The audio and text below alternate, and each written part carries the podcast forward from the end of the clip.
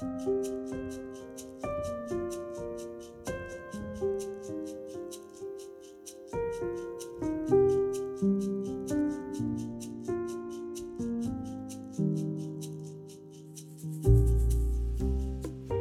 snakker om å lese bibelfortellinger med barnas blikk i vår serie Sprell levende bibelfortellinger.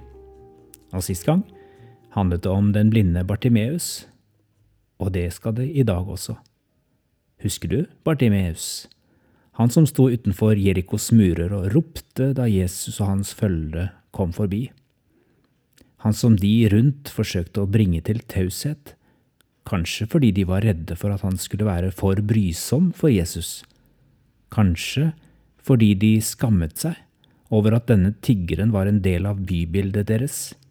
Eller kanskje fordi de tenkte at Jesu dagsprogram var fylt av langt viktigere ting enn den blinde tiggeren Bartimeus. Jeg husker ikke helt hvor tidlig jeg som barn festet meg ved dette at Bartimeus blir holdt nede av de andre. Men kroppen min husker å ha blitt møtt med ord som gjorde meg ensom og utenfor. Mange barn har langt mer alvorlige erfaringer med mobbing enn jeg noen gang har hatt, men jeg vet hvordan det er å ikke passe helt inn i gjengen, å ikke ha riktig dialekt, å være liten av vekst, og ikke være spesielt god i idrett å være litt klønete og distré i en del situasjoner, slik at folk lo av meg. Å være sønn av far, han var presten i bygda, og da fulgte det med en bagasje som jeg nesten bare så som en fordel, men ikke alltid. Noen få ganger fikk jeg ord slengt etter meg som såret meg dypt. Jeg er ikke den eneste, og jeg hadde gutter og jenter rundt meg som hadde det mye verre enn meg. Mobbing og utenforskap er noe av det vanskeligste barn, unge og voksne kan oppleve. Og det er så vanskelig fordi det er så mye skam forbundet med det.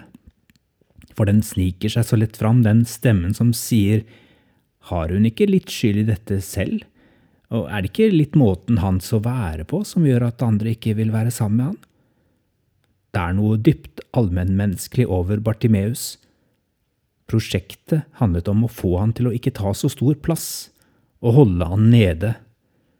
Til alle tider gir Bartimeus stemme til de som lengter etter å være modige og kreve sin plass og sin rett. Jesus, har jeg rett til å rope på deg? Tør jeg å slippe fram det sårbare og skamfulle for alles påsyn? Eller skal jeg fortsette å gjemme meg bort og late som jeg ikke finnes?